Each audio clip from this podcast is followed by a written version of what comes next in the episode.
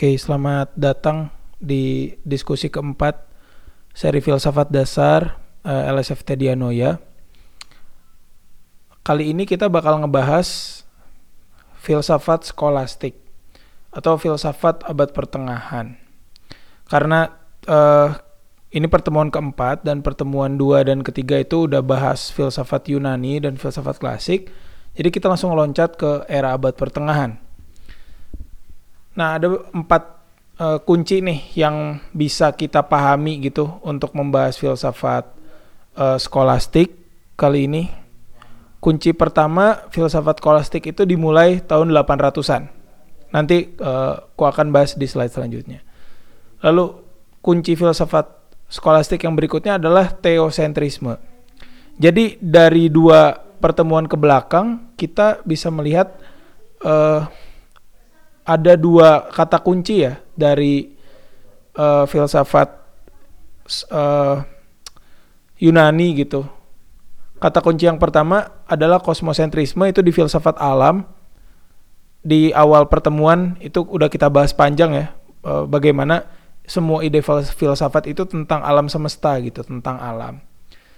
Lalu ada loncatan kedua yaitu antroposentrisme di eranya Socrates, Plato, itu inti dari filsafat, kunci dari filsafatnya adalah manusia. Bukan lagi alam tapi jadi manusia.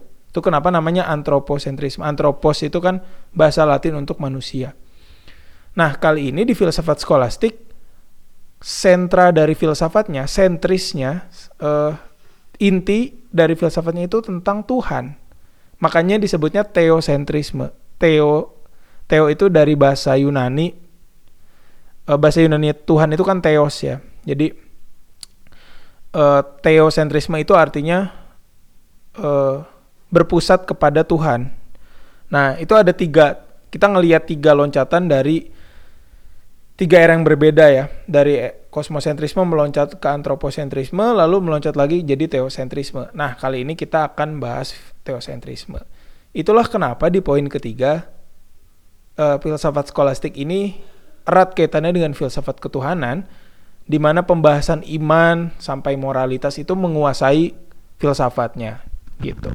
Nah ini mungkin jadi pertanyaan yang penting dalam diskusi kita hari ini dan ini jadi pertanyaan yang paling penting kalau mau bahas filsafat skolastik.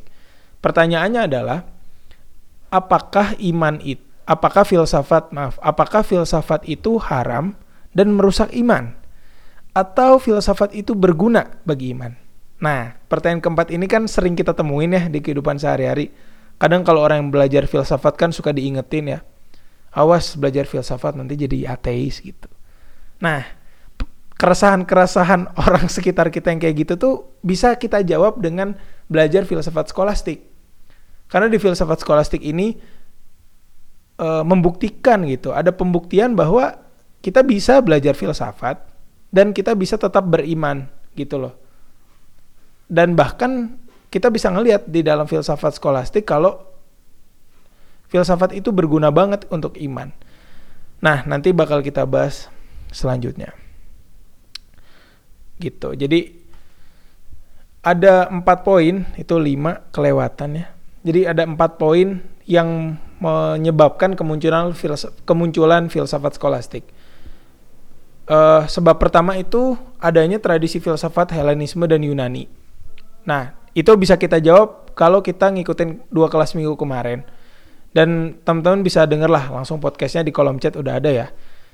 Jadi ketika kita belajar filsafat Helenisme dan Yunani, kita bisa ngeliat kalau misalkan filsafat skolastik itu nanti berkembang karena ada dua filsafat itu.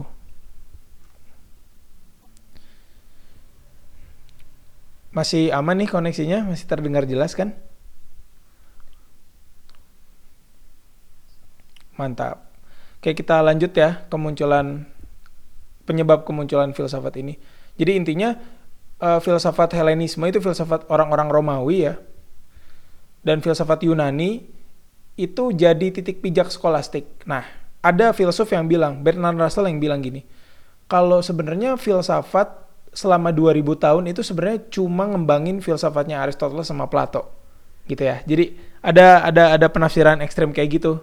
Dan penafsiran itu kadang benar juga gitu. Karena di era skolastik ini sebenarnya cuma ngelanjutin perdebatannya uh, Aristoteles sama Plato doang yang udah berlangsung di era Yunani. Nah, untuk teman-teman yang kelewatan bisa langsung uh, baca ulang atau pelajari ulang aja biar nanti jadinya makin mantep. Kemunculan filsafat skolastik yang kedua disebabkan oleh adanya polemik ya, ada adanya ada pertarungan antara kekristenan dan filsafat. Nanti akan ku bahas. Jadi yang ku bilang tadi gitu, bahwa di era di era uh, Romawi, kekaisaran Romawi abad keempat, kekristenan itu jadi agama resmi di kekaisaran Romawi. Sehingga nanti uh, ada banyak tanggapan teologis ya, ada banyak tanggapan keagamaan yang dilontarkan orang-orang Kristen terhadap filsafat ada yang menyesatkan dalam tanda kutip mensesat-sesatkan filsafat dan mengharamkan filsafat, tapi ada juga orang-orang yang menganggap filsafat itu bisa memperkuat iman uh, seseorang gitu ya, atau dalam konteks sekarang iman Kristen. Poin ketiga, kemunculan filsafat skolastik juga didasari oleh polemik lagi antara iman versus filsafat, antara iman versus logika, antara iman versus rasio. Nah ini sebenarnya kan perdebatan yang sampai hari ini kita kita saksikan gitu ya. Misalkan kalau kita akrab dulu SMA mungkin belajar biologi kan belajar tuh teori evolusi Darwin gitu.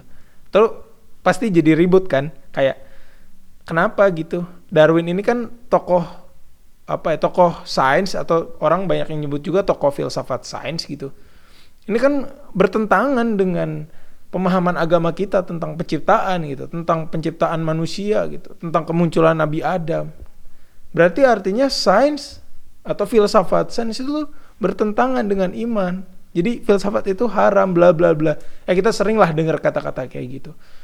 Nah dengan belajar filsafat skolastik hari ini nanti kita bisa menanggapinya sekaligus bisa mencari jawaban yang lebih terkait polemik ini ya karena kan kayaknya ini polemik yang gak beres-beres tapi sebenarnya bisa dicari jalan tengahnya poin yang terakhir kemunculan filsafat skolastik juga disebabkan karena keruntuhan kekaisaran Romawi itu di abad 7 sampai 8 keruntuhan ini bikin Eropa bikin uh, abad era abad pertengahan jadi linglung banget gitu ya sehingga nanti filsafat skolastik berperan banyak tuh buat anak-anak sejarah nih pasti bidangnya nih mulai keruntuhan Romawi.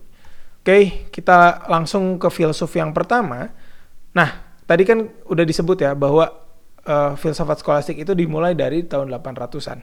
Tapi catatannya banyak ahli filsafat yang memulai pembicaraan tentang filsafat skolastik dari abad ke-5 dari uh, Agustinus di tahun 354 sampai 430. Nah, uh, banyak filsuf bilang kalau beliau lah Agustinus lah yang memulai filsafat skolastik gitu ya. Jadi dimulainya dari dia makanya kita nggak bisa bicarain filsafat skolastik tanpa bicarain Agustinus duluan. Nah sekarang kita coba uh, sekilas aja ya sekilas membahas Agustinus dulu sebelum nanti kita bahas filsuf-filsuf selanjutnya. Agustinus itu uh, sebenarnya seorang santo ya dalam tradisi Katolik santo itu artinya orang suci gitu. Sebenarnya dia dalam tanda kutip seorang pemuka agama, tokoh agama, tapi dia juga seorang filsuf. Nah, sebenarnya kita bisa lihat kan jadinya uh, keagamaan dan sebenarnya filsafat itu nggak bertentangan. Contohnya Agustinus, dia seorang pemuka agama, tapi dia juga filsuf besar yang menguasai Plato dia seorang Platonis yang besar uh, dan banyak uh, membahas filsafat skeptisisme juga. Ini mungkin teman-teman yang minggu kemarin hadir uh, nangkep ya maksudnya di sini Platonisme dan skeptisisme apa. Inti dari filsafat Agustinus itu adalah tentang mengejar hal kekal yang abadi, yaitu hidup menuju surga lah. Mungkin orang-orang yang beragama percaya kayak gitu ya. Kita fair aja dulu di sini. Uh, kita menghilangkan sekat-sekat keberagamaan dulu lah itu belakangan lah soal agama nah uh, filsafatnya Agustinus percaya bahwa iman sama dengan petualangan berfilsafat jadi mustahil kita jadi orang yang beriman tanpa kita bisa berfilsafat gitu karena dengan berfilsafat lah kita bisa jadi seorang penganut agama yang sejati atau seorang yang beriman dengan sangat kokoh. Agustinus yang seperti ku bilang tadi, dia ngelanjutin filsafatnya Plato ya. Jadi di sini influence Platonya benar-benar besar banget. Nah, coba kita lihat slide-nya ini. Kita lihat satu kata yang paling terkenal dari Agustinus di sebelah kanan. Dia bilang uh, Agustinus sudah membaca Plato dan Cicero. Nah, Plato itu filsafat Yunani, Cicero filsafat Helenis ya. Itu udah kita bahas. Agustinus bilang dia udah membaca Plato dan dia menemukan keindahan dan kebijaksanaan yang mendalam dari Plato dan Cicero. Tetapi ketika membaca Plato dan Cicero, Agustinus tidak menemukan orang yang berbicara Datanglah kepadaku, hai yang lemah dan berbeban berat. Nah, ini mungkin teman-teman yang Kristiani pasti ngerti. Di sini Agustinus lagi ngutip satu ayat dari kitab suci. Ayat yang di, diucapkan oleh Yesus di akhir ya itu. Datanglah kepadaku mereka yang letih lesu dan berbeban berat. Artinya di sini Agustinus tuh lagi ngebandingin nih. Plato, Cicero, Plato dan Cicero dengan Yesus gitu. Artinya dalam filsafat Agustinus kelihatan bahwa posisi agama itu di atas filsafat. Ya, jadi kita harus jadi orang dalam tanda kutip beriman dulu, terus kita nge-compare ya, Plato, Cicero, terus banding-bandingin gitu sama Yesus. Nah, proyek filsafat Agustinus kayak gitu memang. Dia selalu uh, membanding, nggak selalu membandingkan ya, dia selalu membuat studi kritis tentang agama, dibaca dari sudut pandang filsafat, tapi sebaliknya juga dia membaca filsafat tapi sebagai orang yang beragama. Nah, ini sebenarnya tradisi filsafat yang ber yang apa ya, memang lazim di era itu gitu. Jadi semua orang yang berfilsafat di era itu ya uh, kebanyakan kayak Agustinus gitu. Dan di situlah sebenarnya filsafat skolastik bermula ketika filsafat didudukan sebagai posisi yang kedua gitu. Dan yang posisi yang pertama itu adalah agama atau iman. Pikiran seperti ini, pikiran Agustinus seperti ini mendominasi 10 abad filsafat. Sampai ke abad 14 nanti pikiran yang seperti itu tuh terus di, di, di ini ya dibahas gitu. Nah, kali ini mungkin kita nggak akan bahas detail lah soal Agustinus. Karena waktunya nggak cukup. Ntar teman-teman bisa baca sendiri aja. Cuma asik ini sebenarnya Agustinus. Karena ya sebenarnya juga apa ya, uh, walaupun misalkan apa pun ke tradisi agama teman-teman ya tetap ini ya maksudnya tetap bisa mempelajari agama apa pun gitu loh maksudnya. Dan banyak gitu teman-teman di mana ya misalkan di UIN gitu atau di studi filsafat Islam itu juga membaca Agustinus kok. Termasuk orang-orang yang belajar filsafat dalam tradisi Katolik atau Kristen itu juga membaca filsuf-filsuf Islam misalkan Ibnu Sina Ibnu Rushd Ibnu siapa lagi Ibnu Khaldun gitu yang seperti itu memang hal yang lazim dalam filsafat ya. Jadi jangan kaget dulu. Tenang dulu lah, santai. Lanjut. Sekarang filsuf berikutnya adalah di masa skolastik awal. Nah, kita udah mulai langsung bahas skolastiknya nih. Seperti yang tadi ku bilang bahwa kunci filsafat skolastik adalah teosentrisme. Maka itu hakikat seluruh pengetahuan atau hakikat dunia ini bagi para filsuf skolastik adalah tentang Tuhan, dan ide tentang Tuhan. Gitu ya. Jadi dua hal yang berbeda. Tuhan dan ide tentang Tuhan itu dua hal yang berbeda. Nanti akan kita bahas. Nah, kita dalam era skolastik ini sebenarnya nggak bisa dilepaskan dengan pengaruh Plato. Oke, okay? jadi di era skolastik awal, bahkan dari tadi era Agustinus di abad keempat, abad kelima maaf, sampai eranya skolastik awal di abad ke-9 sampai 13 ini, pengaruh Plato itu nggak bisa hilang. Dan semua filsafat di era itu ya kebanyakan bahas Plato. Filosof yang pertama akan kita bahas namanya John de Scott. Ini di slide uh, gambarnya paling kiri ya. Dia seorang biarawan dan seorang agamawan juga. Jadi kebanyakan memang filsuf abad pertengahan itu agamawan. Nah, John de Scott ini uh, apa ya, menggagas teori atau gagasan tentang empat kelas nature, empat kelas, empat klasifikasi, empat apa ya, empat pembagian alam gitu ya, empat pembagian realitas gitu. Bagi John, John de Scott ada empat. realitas. Yang pertama itu Tuhan, lalu Tuhan sebagai sang pencipta itu menciptakan banyak hal kan, termasuk pemikiran dan benda, termasuk hal yang bisa kelihatan dan nggak bisa ya hal yang kelihatan dan hal yang nggak bisa kelihatan. Yang pertama itu Tuhan, lalu ada ide, lalu tingkat yang ketiga ada benda, dan tingkat keempat ada Tuhan lagi. Jadi bagi John the Scott, ya semuanya itu tentang Tuhan. Ide, apa pun itu, pikiran kita, cara kita berbudaya, cara kita berpendidikan, apa semuanya itu juga tentang Tuhan. Dan hakikat benda-benda di sekitar kita juga tentang Tuhan. Nah ini influence ini sangat dipengaruhi Plato sebenarnya. Karena Plato kan kalau teman-teman uh, di minggu kemarin kita bahas itu punya teori tentang dunia ide. Jadi Plato misalkan memandang kursi, menurut Plato kursi itu yang bukan tempat duduk doang yang berkaki empat gitu. Bagi Plato kalaupun kursi nggak pernah ada di dunia, kursi itu pasti ada di sebuah dunia luar manusia, namanya dunia ide. Sehingga apa pun kebudayaan manusia, pasti dia punya gambaran tentang kursi di dunia ide itu. Gitu-gitu sih. Nanti bisa dengar ulang aja ya teori Plato soal ide. Nah, kita lanjut ke filsuf berikutnya itu Anselmus dari Canterbury. Uh, gagasan paling terkenalnya adalah argumen ontologi. Jadi dia men mencoba membuktikan keberadaan Tuhan melalui filsafat. Oke, okay, clear ya. Jadi uh, menurut Anselmus uh, Tuhan tuh bisa dibuktikan kok pakai filsafat gitu. Dan akhirnya dia menggagas itu argumen ontologi Tuhan bahwa Tuhan itu pasti ada dalam dunia yang mungkin. Gitu ya.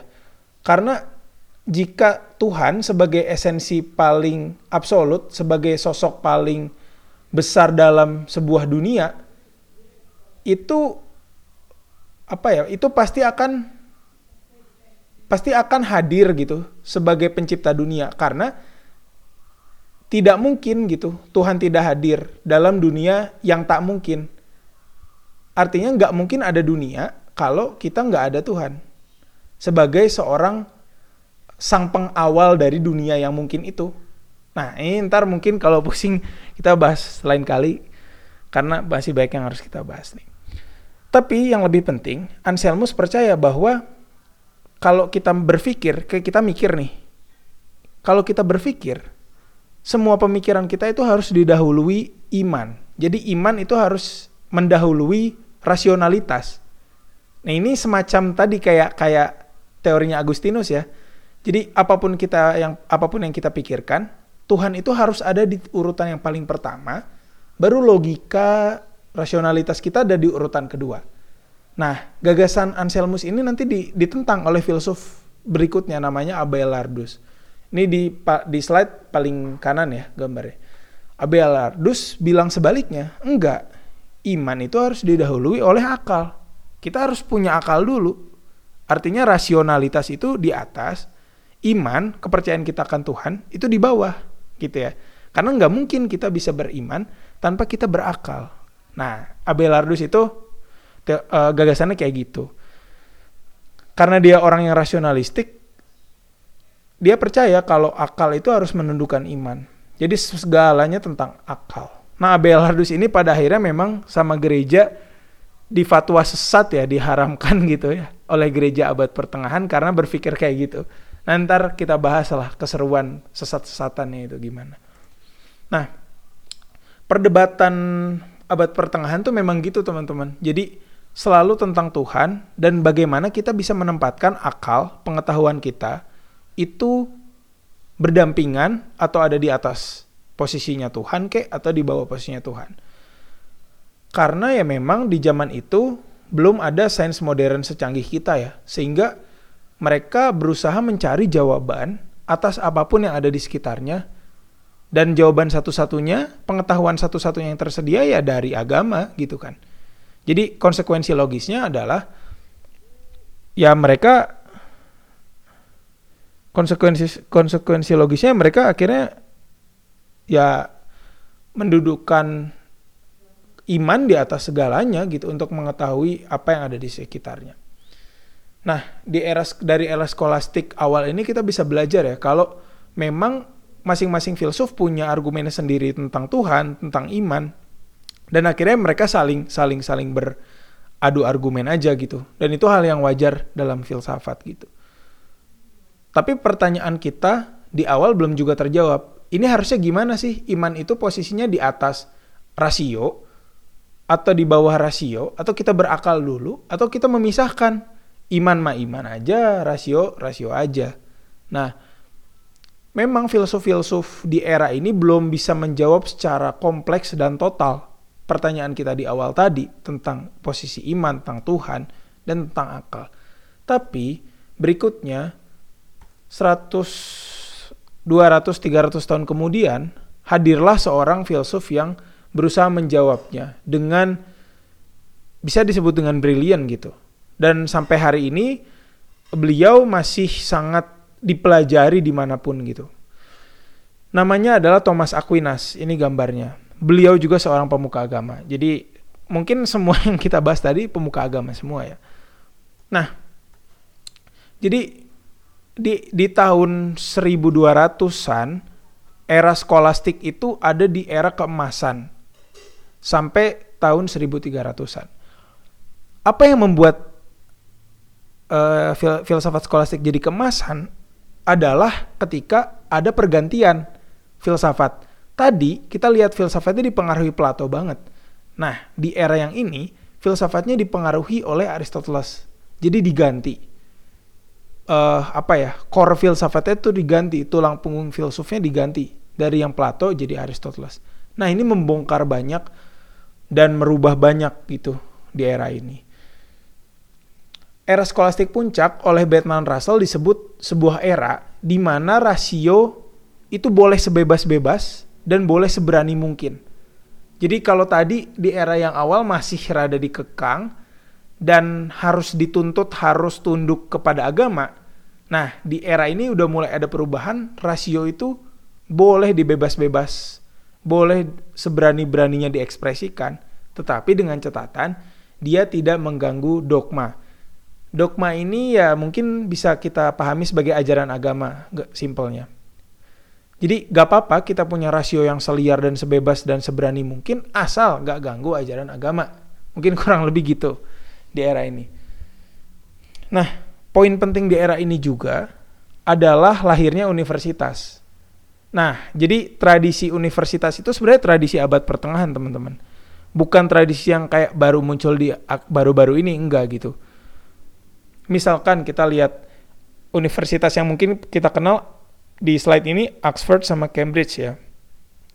Oxford sama Cambridge itu didirikan di awal tahun 1000 sekian ya. Hampir 1100-an gitu. Jadi lahirnya universitas ini memang karena uh, adanya sebuah upaya untuk menghimpun eh, sekolah-sekolah ya. Menghimpun institusi-institusi pendidikan yang melahirkan filsuf, yang melahirkan teolog, itu yang belajar teologi, belajar filsafat, dihimpun jadi satu di universitas. Nah, maka itu di barat, kenapa sekarang kita mengacunya pendidikan kita ke barat? Karena memang tradisi pendidikan yang strukturalnya ya sangat-sangat-sangat udah lama gitu. Kayak ribuan tahun jauh gitu dibanding tradisi pendidikan struktural kita. Sehingga semua sekarang kiblatnya ke barat. Nah, tapi kali ini kita mau diskusi Thomas Aquinas. Thomas Aquinas ini dikenal karena dia seorang yang berusaha mendamaikan dalam tanda kutip ya, berusaha membuat sintesa atau mendamaikan lah bahasa gampangnya. Mendamaikan iman dan akal. Jadi menurut Aquinas, ngapain kita mempertentangkan iman dan akal? Ngapain kita menempatkan satu satu aspek menjadi lebih tinggi gitu. Aquinas percaya bahwa iman dan akal itu bisa didamaikan. Itu terlihat dalam semua bukunya Aquinas. Semua bukunya Aquinas itu proyeknya adalah mendamaikan Aristoteles dan mendamaikan uh, kitab suci, mendamaikan iman gitu. Itu buku-bukunya namanya Summa Theologiae. Ntar teman-teman bisa cari aja. Dan lebih terkenal lagi, Aquinas juga berusaha membuktikan eksistensi Tuhan melalui hukum-hukum logika. Nah, logika yang dipakai logika Aristoteles. Ini mungkin teman-teman ingat ya pembahasan minggu kemarin logika Aristoteles itu seperti apa. Dan yaitu yang membuat Aquinas terkenal adalah dia berusaha memahami Tuhan tapi pakai filsafat gitu. Bahkan lebih ekstrim lagi, dia bukan cuma memahami Tuhan, dia pengen membuktikan eksistensi Tuhan pakai pakai logika filsafat gitu. Dan akhirnya Aquinas dikenal karena dia kompleks banget gagasannya. Jadi kalau bicara Aquinas, kita bicara tentang rumit sebuah upaya untuk membangun konstruksi pikiran iman yang rumit. Jadi iman tuh ya kalau menurut Aquinas gak boleh cuma percaya-percaya doang gitu. Kenapa kamu percaya Tuhan? Ya saya percaya aja lah. Ya nggak boleh kalau kata Aquinas tuh. Aquinas berusaha dengan keras untuk membangun pemahaman filosofis akan Tuhan. Dan itu jadi sesuatu yang benar-benar rumit kalau teman-teman baca juga bahkan zaman sekarang gitu ya, kita baca Aquinas.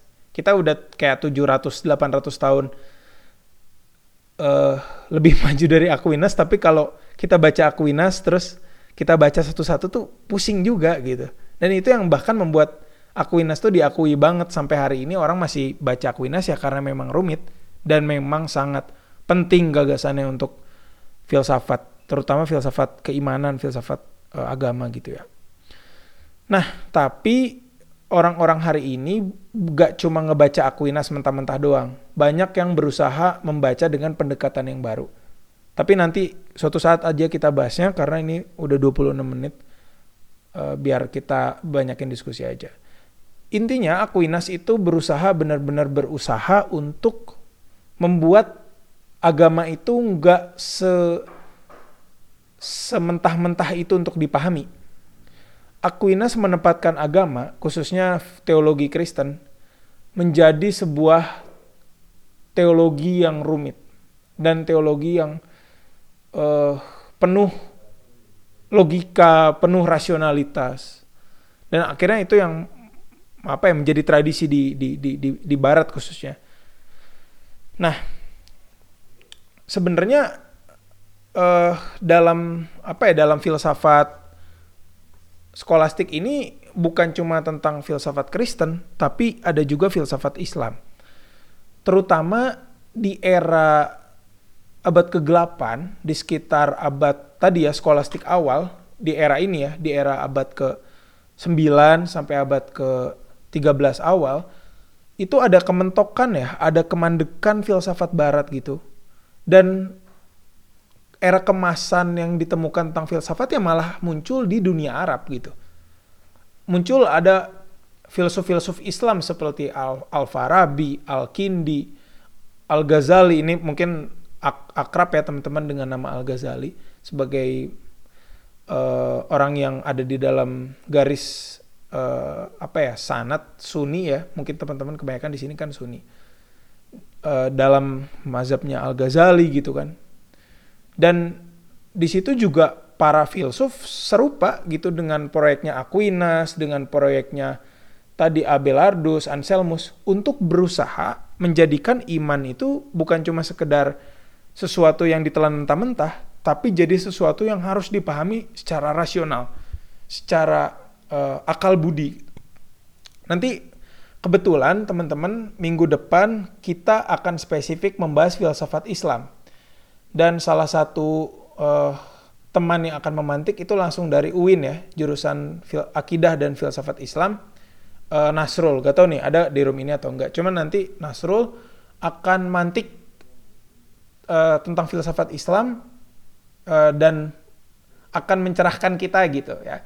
Teman-teman juga yang uh, butuh pengetahuan lebih tentang posisi iman dan posisi akal dalam filsafat Islam nanti kita bahas di minggu ke di minggu depan tepatnya. Tapi kurang lebih gagasannya sama teman-teman bahwa para filosof Islam juga ya dari Al-Farabi, Al-Kindi sampai Ibnu Sina, Ibnu Khaldun, Ibnu Rushd itu semua proyeknya adalah berusaha untuk memahami Tuhan dan mencari sebuah konstruksi pemahaman yang lebih rasional, lebih berorientasi pada akal tentang Tuhan. Dan di situlah sebenarnya filsafat berfungsi ya, filsafat berguna untuk keimanan seseorang. gitu ya. Nah, ini karena udah 30 menit kita tutup dengan slide praktikal. Jadi uh, di, di kelas filsafat dasar kita selalu menutupnya dengan hal praktis. Kan tadi udah ngawang-ngawang ya, mungkin teman-teman ada bagian gak ngerti, cuma bagian ini teman-teman pasti relate dan teman-teman pasti ngerti. Dari semua yang telah kita omongin tadi, ada beberapa hal praktis yang bisa kita terapin. Yang pertama, perlukah kita merasionalisasi iman? Nah, ini pertanyaan yang penting untuk kita tanyakan ke diri kita sendiri gitu. Kita bisa lanjut ke pertanyaan tiga untuk memperkuat pertanyaan pertama. Coba kita pikir, sebenarnya dasar iman kita ini apa sih? Taat doang, telan mentah-mentah doang, atau bahasa kerennya aksiomatik ya. Waduh, aksiomatik, dogmatik. Gitu. Landasan kita ini apa sebenarnya? taat aja, telan-telan aja, atau landasan iman kita itu sebuah petualangan untuk mencari hal yang lebih besar dengan rasio kita, dengan akal budi kita. Nah, itu yang sebenarnya dari tadi kita bahas adalah pertanyaan ini. Dan pertanyaan kedua jadi relevan di sini. Gimana sekarang kita pribadi ngeliat ajaran agama dengan ajaran filsafat? dogmatika versus filsafat. Ini kita ngelihatnya gimana nih sekarang setelah uh, belajar dan setidaknya mendengar filsafat skolastik tadi. Mungkin poin terakhir bisa jadi jawaban bersama atau bahkan pertanyaan bersama. Berarti kita dari tadi ngeliat filsuf-filsuf itu cuma mau bilang kita perlu ngerefleksiin iman kita. Kita perlu beriman melalui pandangan yang logis dan juga skeptikal. Nah ini mungkin yang rada tabu nih. Kan sekarang kita seringnya mempertentangkan skeptisisme ya, keraguan-raguan, pertanyaan, kritisisme dengan iman. Seakan-akan iman tuh ya hal yang harus kita telan mentah-mentah doang, iya-iyain doang. Gak perlulah iman tuh dipahami secara rasional. Itu kan narasi umum yang terus-menerus menumbuhkan kita bahkan dalam sistem pendidikan kita dari SD. Ya udah iman-iman aja. Tapi tantangan kita sebenarnya teman-teman sebagai orang yang terdidik sebagai intelektual adalah nggak cukup di iya-iya doang itu, nggak cukup di taat-taat. Dalam tanda kutip taat ini dalam bukan dalam konteks baik buruk ya, tapi dalam konteks manut-manut. Ah, mungkin manut-manut lebih tepat bahasanya. Tantangan kita hari ini bukan cuma manut-manut teman-teman tapi ngerefleksiin ulang. Tapi memandang iman, tapi dari sudut pandang yang lebih logis, bahkan lebih skeptis gitu ya, lebih kritis. Sehingga keberagaman kita itu bukan sebuah ritual yang kering, tapi sebuah pengalaman dan petualangan yang besar gitu, menjelajahi ribuan tahun gagasan pemikiran, menjelajahi kekayaan pemikiran, bukan hanya sesuatu yang absolut mutlak dan diterima mentah-mentah dan ditelan mentah-mentah doang.